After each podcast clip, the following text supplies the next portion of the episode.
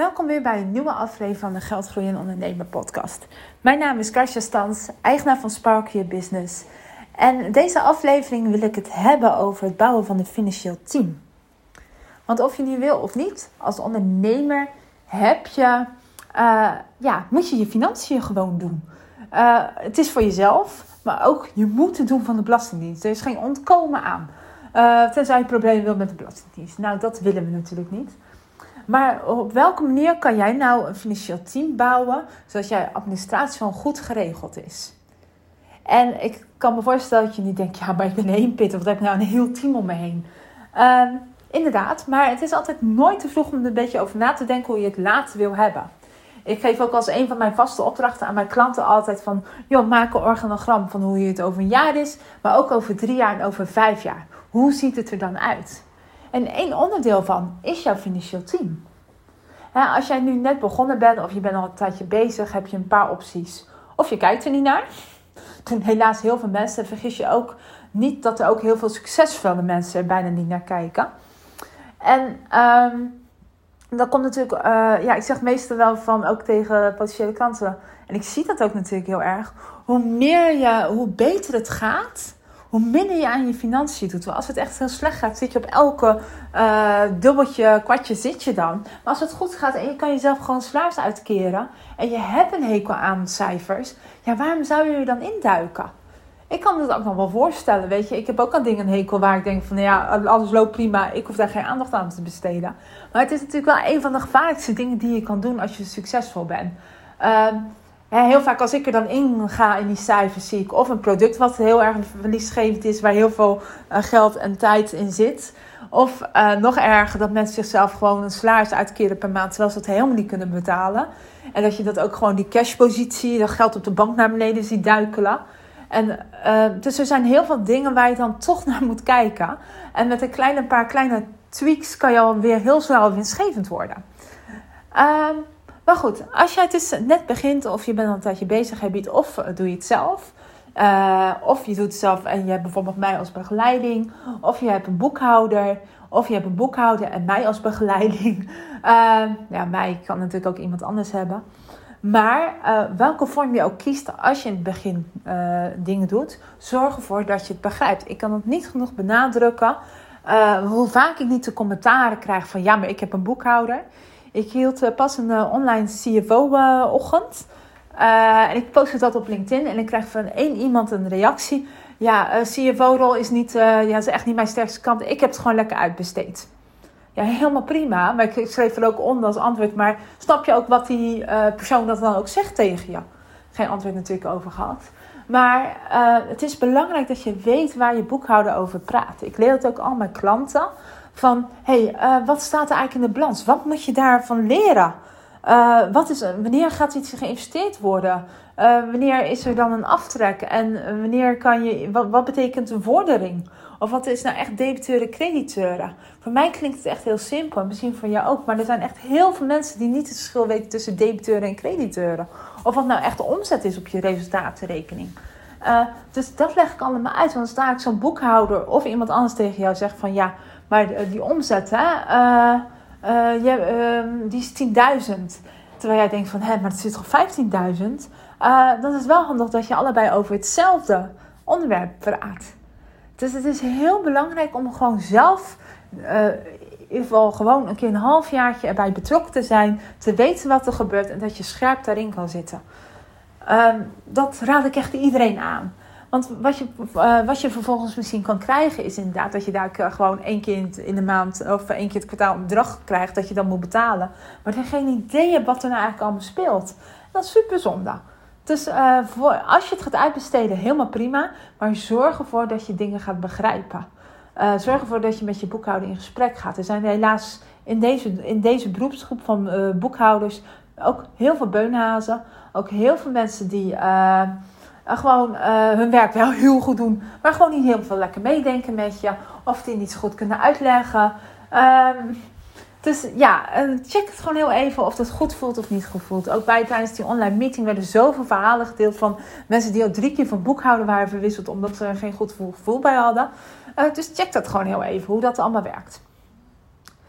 En um, dus dat. Dus uh, dat is in ieder geval altijd belangrijk dat je zelf even een beetje basiskennis hebt. En dat zie je ook in grote bedrijven natuurlijk. Als je daar met een CEO zit en een CFO zit, die CEO die weet echt wel wat er financieel allemaal speelt. Die, die stelt slimme vragen. Die wil weten wat er is. En die wordt natuurlijk, de, de CFO en CEO communiceren met elkaar erover. Uh, die denken daar met elkaar over. Uh, maar dat moet jij dus ook doen. Weet je, ik vind het ook niets leuker als ik, als, met, eh, als ik met een klant zit en die, uh, dat we samen iets bedenken en dat we samen even checken of het allemaal goed komt en niet. Want dat is gewoon leuk om te doen. Dus investeer in die financiële, uh, in die financiële kennis. Maar goed, stel je voor dat je dan ineens wel enorm hard groeit. En dat je eigenlijk geen tijd meer hebt om die bonnetjes te doen of die bonnetjes naar die boekhouder te sturen. Ja, dan moet je daar eigenlijk iemand bij nemen. Maar ja, maar wie? En dat is een tweede, volgens mij ben ik daar al wat eerder wat scherp in geweest. Maar kijk uit wie je daar ook voor inhuurt.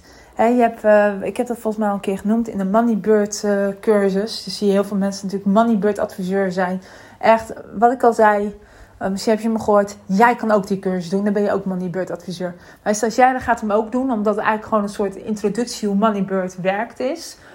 misschien is het intussen veranderd die cursus, ik hoop het van harte. Maar daarna is mijn stagiaire van 19 ook een Moneybird expert.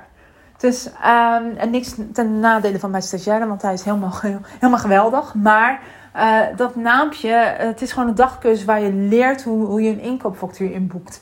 Ehm, mensen weten niet eens wat een memoriaal is, die, sommigen die erbij zaten. Dus check dat heel even wat de financiële kennis is van iemand die jou inhuurt. Hè, ook hierin zijn heel veel mensen er zijn heel veel goede, maar ook helaas een paar slechte. Dus check dat heel even bij die persoon. Uh, stel even een paar goede vragen. Hoeveel ervaring heeft. Of iemand boekhoudkundige ervaring heeft. Uh, en het is helemaal niet erg als iemand geen boekhoudkundige ervaring heeft. Maar uh, verwacht het ook niet van die persoon. Hè, natuurlijk kan je iedereen inhuren om een inkoopfactuurtje te boeken.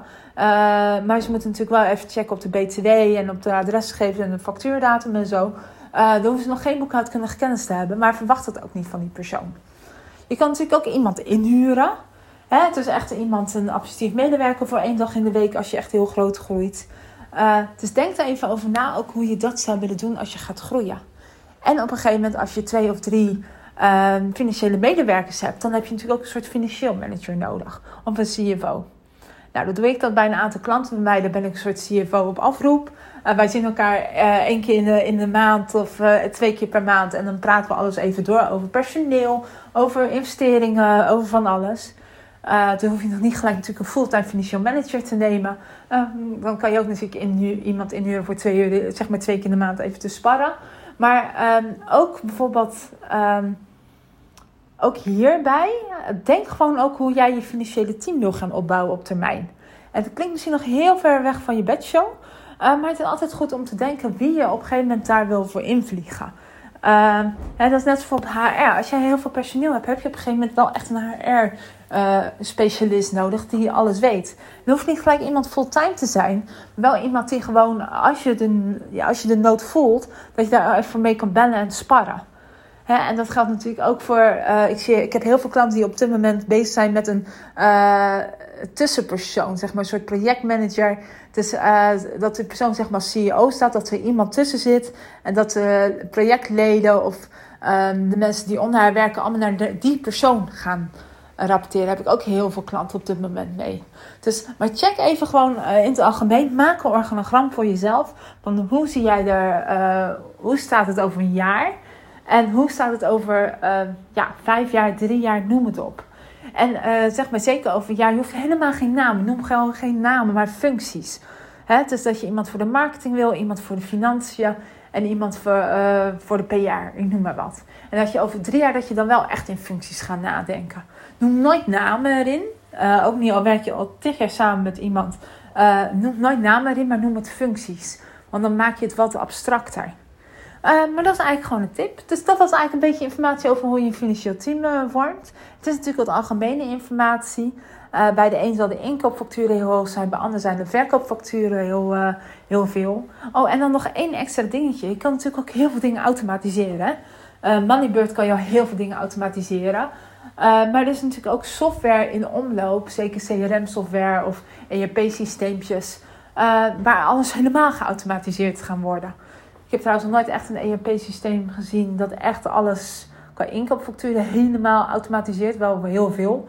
Ehm, trouwens, ja, die zijn er wel, maar die zijn denk ik redelijk prijzig voor de beginnende ondernemer.